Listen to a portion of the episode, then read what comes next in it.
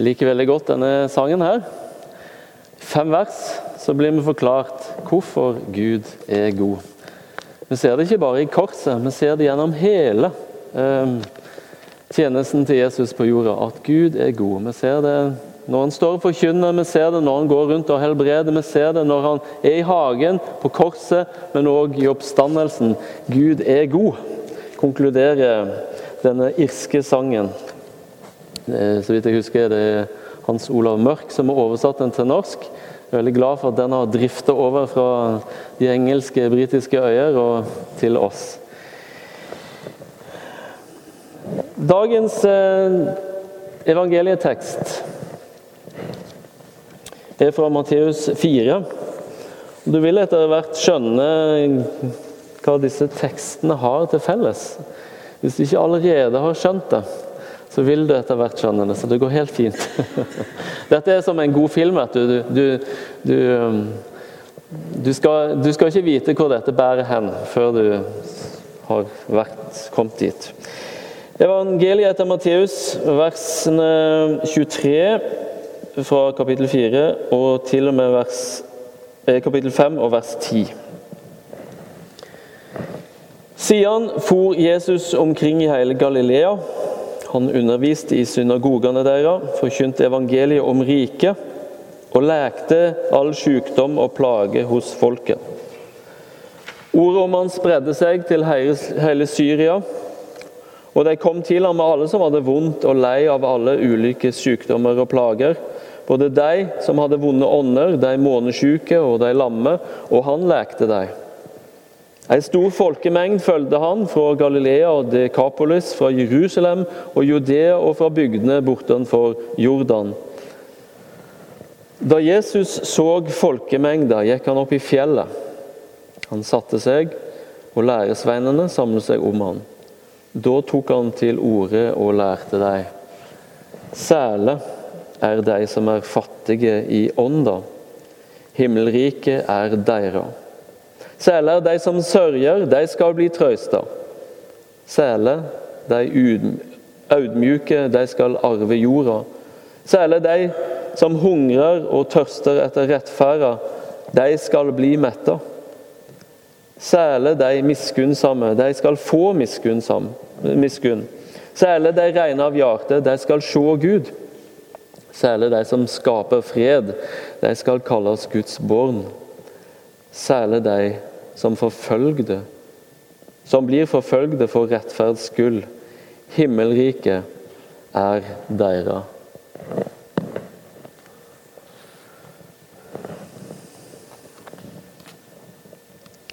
Hvis det var ett begrep, ett origo i det Jesus forkynte, i det han underviste, det han gjorde, tjenesten hans, så var det dette Guds rike.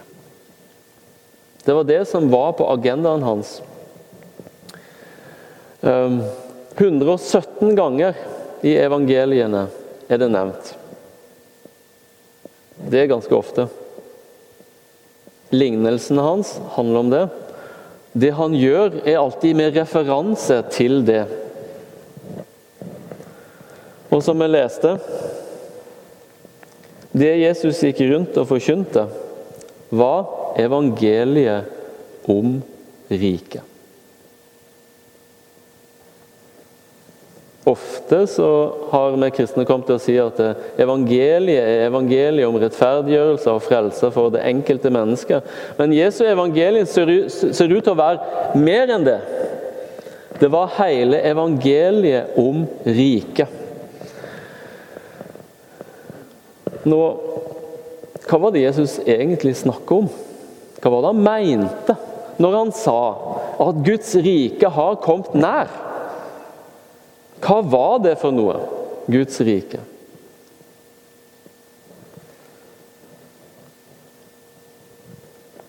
Opp gjennom kirkehistorien er det kanskje fire måter å forstå Guds rike på.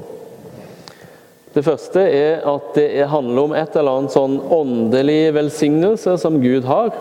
Man kan snakke om Guds rike gjennom dåpen. Man kan snakke om Guds rike når eh, Den hellige ånd når oss. at da, da, har man liksom med Guds rike å gjøre. Det er snakk om åndelige velsignelser. Eh, men stort sett så har det ikke noe mer enn åndelig betydning, i hvert fall her og nå. De fleste kristne er enige om at Guds rike handler om en eller annen himmelsk tilstand der framme. Men her og nå, hva var det Guds rike handler om? På jødisk grunn så var jo Guds rike forstått med når Gud skulle komme og gjenreise Israel. og Dette kan du lese om at de første kristne trodde. Det var, eh, det var mye politikk i det, det var mye konkret i det. Dette, Guds rike handler om jorda. Sant? Det handler om eh, Guds folk som skulle gjenreises. I 300 år var den kristne kirka mer eller mindre en minoritet i Romerriket. Så når keiser Konstantin sånn på tidlig 300-tall blir kristen, eller i hvert fall eh, antar den kristne troa, og først gjør den lovlig i Romerriket, og etter hvert gjør den til statsreligion, da er det ikke rart at mange kristne tenkte at nå har Guds rike kommet. Eusebius, kirkehistorikeren, ved innsettelsen av noen eh, etterfølgere av eh, Konstantin, han siterer Daniels bok. Der det er snakk om alle disse eh, rikene som skulle komme og gå. Men så skulle Gud sette opp sitt rike, og det skulle vare for evig. Han leser fra disse tekstene i Daniels bok og sier nå har Guds rike blitt oppfylt på jorda. Det var nok ganske sjokkerende for kristne for å være en misforstått, forfulgt minoritet til å bli en statsreligion sånn nesten over natta. Og det var ikke rart at de grep til begrepet om nå har Guds rike kommet. Så Guds rike har opp gjennom tidene òg blitt forstått og sammenligna nærmest, eller handle om en politisk enhet.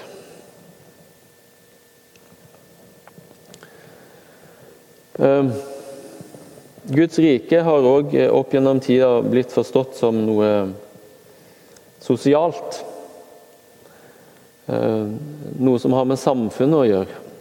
Tanken om at de kristne skal gjennomsyre samfunnet på en sånn måte at Guds rike kommer nær. Dette var veldig tydelig på 1800-tallet, i den såkalte social gospel-bevegelsen.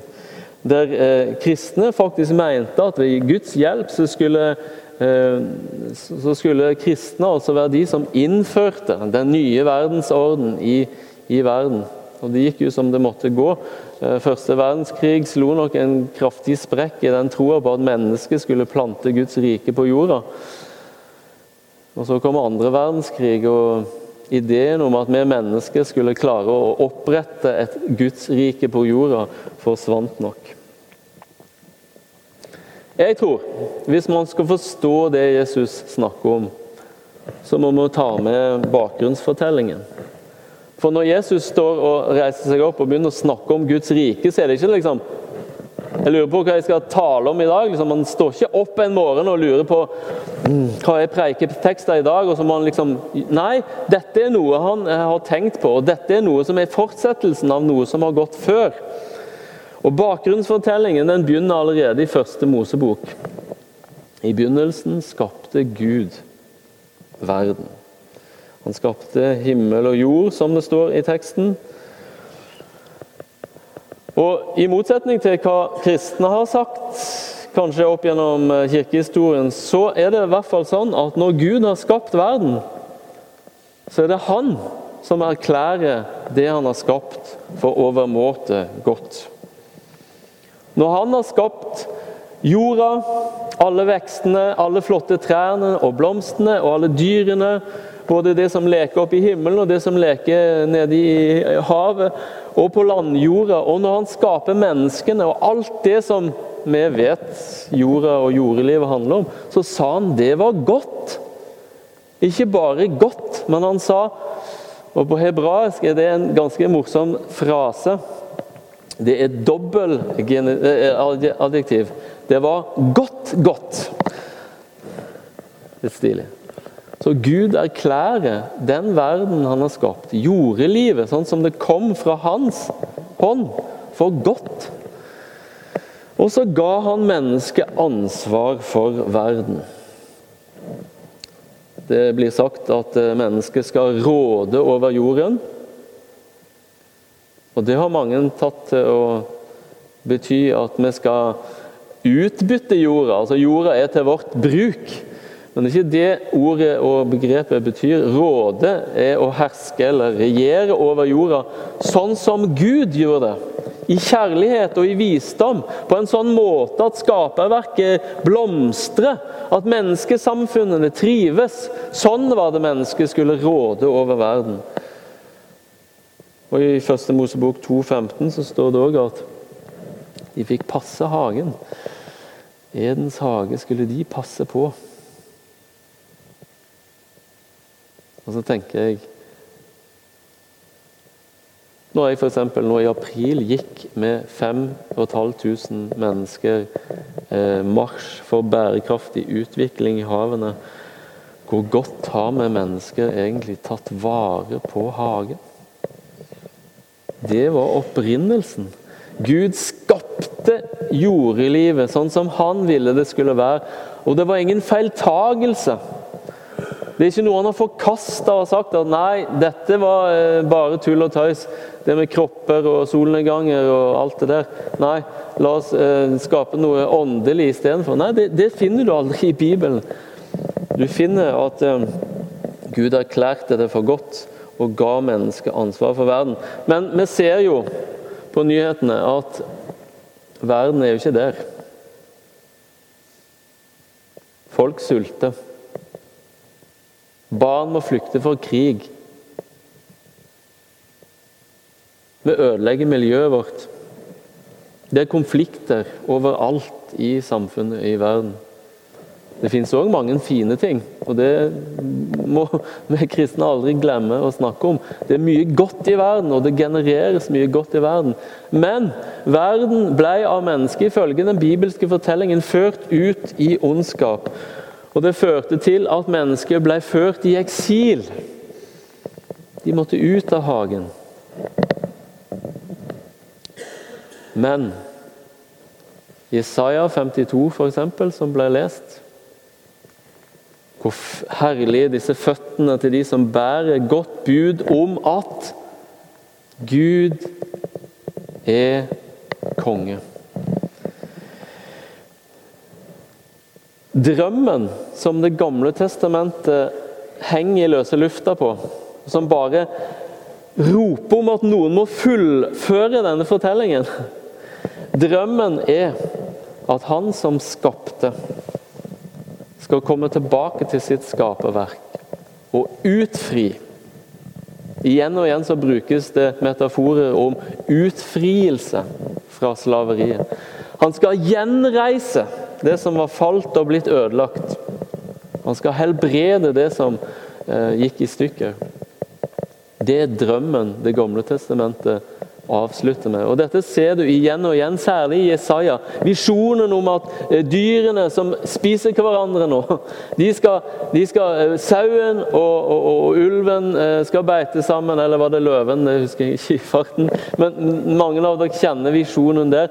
Det er òg visjoner, hvis du tar deg tid en gang og leser gjennom Jesaja-boka, om hvordan folkeslagene, alle sammen, skal erkjenne godheten i Guds skapermakt.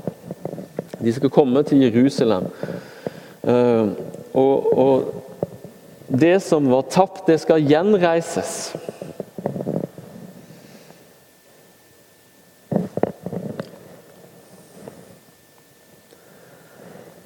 Så kommer Jesus.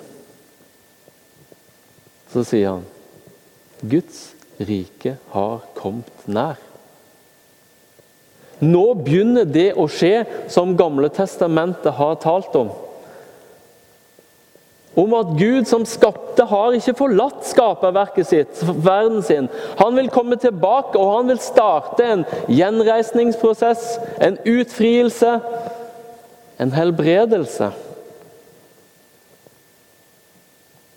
Bibelen slutter ikke med at mennesker farer til himmelen som sjeler. Leser du Johannes' åpenbaring kapittel 21 og 22, så ender den med at det nye Jerusalem, som er et symbol på Guds bolig, kommer ned og bor sammen med oss. Og Det er òg en sånn en drøm som hele tida ligger der i Det gamle testamentet. Han vil bo sammen med dem, han vil være sammen med dem. Han er ikke en gud som trekker seg unna i all sin hellighet. Han kommer til dem i helligdommen. Han vil være nær. Han driver og forhandler med Abraham. Han, han driver og, og, og, går i dialog med profetene. Han vil være nær, han vil, han vil komme til dem. Og det er drømmen. At Gud som skapte, han skal komme tilbake. Men hvordan ser en sånn en verden ut da? Det er det Jesus forteller oss. Alt Jesus sier, alt han gjør, alt han forkynner, gir oss glimt om hvordan den verden ser ut. Og den skapte lengsel hos de menneskene som så det og opplevde det. Og den skaper fortsatt lengsel i mennesker i dag. For Jesus han helbreder syke. Hvorfor gjorde han det hvis eh, eh slutten på det hele er at eh, sjeler skal fare et eller annet sted i universet? Nei, han helbreder syke kropper fordi Gud vil kropper. Det er bare det at kroppene som de er nå, de eh, trenger en oppstandelse og et herlighetslegeme, som Bibelen snakker om. Men Jesus helbreder syke fordi i Guds verden, sånn, når han kommer tilbake til sitt skaperverk, så vil syke bli friske. Det er et tegn om det som kommer, i tillegg til en del andre ting. Gud, nei, Jesus vekker opp døde. Han står sjøl opp fra de døde som en kropp. Han spiser fisk med disiplene etterpå. Det er en fantastisk eh, eh, bekreftelse på at Gud har aldri forlatt skaperverket sitt. Han har aldri forkastet det og sagt at det var en dårlig idé. Nei, han skal gjenreise det. Han skal eh, utfri det. Han skal helbrede det. Når Paulus snakker i Romerne 8 om hele skaperverket som sukker og stønner og lengter etter at dette skal skje, så sier han for en dag Og dette er kristendommens store idé, som skiller den fra alle andre religioner, så vidt jeg kjenner til. En dag så skal ikke sjela bli satt fri. En dag skal kroppen bli satt fri. Det er jo det vi sier i trosvedkjenninga vi skal snart si. Vi tror på oppståa av lekemenn og evig liv. Alt annet er et mindre budskap enn det Bibelen har.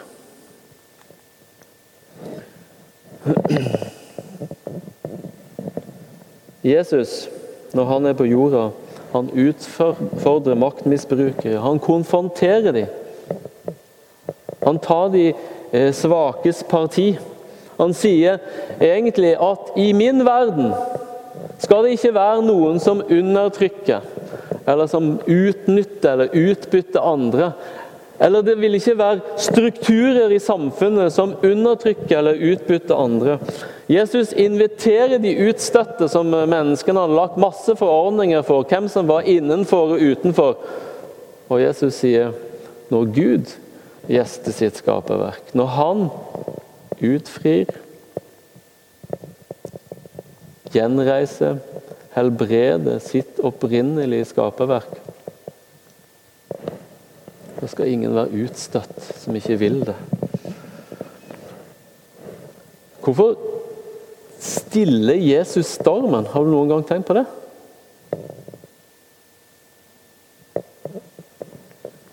Jeg tenker det for å vise at i Guds gjenreiste, gjenskapte, nye verden, så er de destruktive naturkreftene ute med. De er tatt bort. Derfor kaster Jesus òg ut onde ånder. Og Så kan vi spørre hva er dette her med onde ånder? Eh, trenger ikke gå inn på det, men Eh, Bibelen er veldig tydelig på at det finnes eh, åndelige krefter i verden, både gode og onde. Men i Guds nye verden, som Jesus gir oss allerede forsmak på, som han planter med sitt liv, sin død og sin oppstandelse, der skal det onde kastes ut.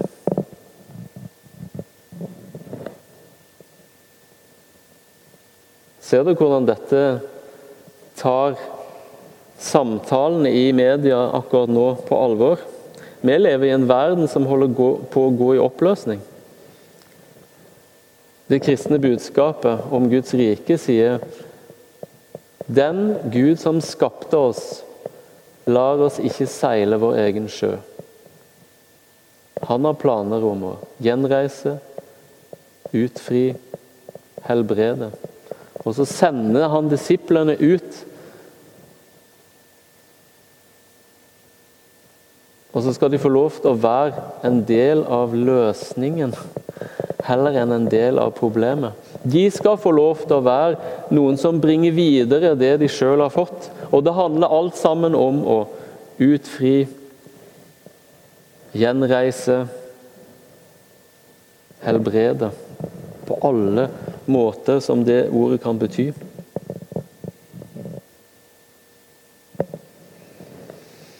Jeg har lyst til å synge en sang nå, som en avslutning på talen min.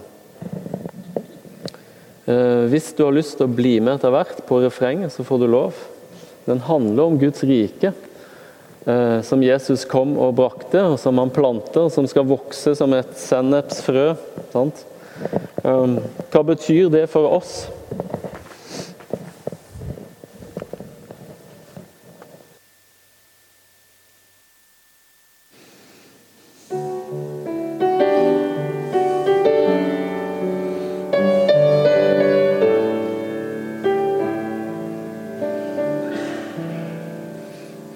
Den gang Jesus gjestet kloden, var han travel predikant. Det han brann for, var et budskap om Guds rike som oppbrant. Ved hans nærvær fikk folk smake hva slags liv som leves der. De fikk underlig erfare skaperen å være nær. La oss fylle vår jord med litt himmel La folk merke hva Guds rike er. La oss angripe ondskap med godhet. Leve himmelens livsstil, alt her. Dette riket er et samfunn som er bedre enn vi har der man kappes om å elske, der man gir og ikke tar. Her den minste er den største, og en hersker blir til trell. Ikke gjemmer man det onde, setter andre over selv. La oss fylle vår jord med litt himmel La folk merke hva Guds rike er. La oss angripe ondskap med godhet. Leve himmelens livsstil, alt her.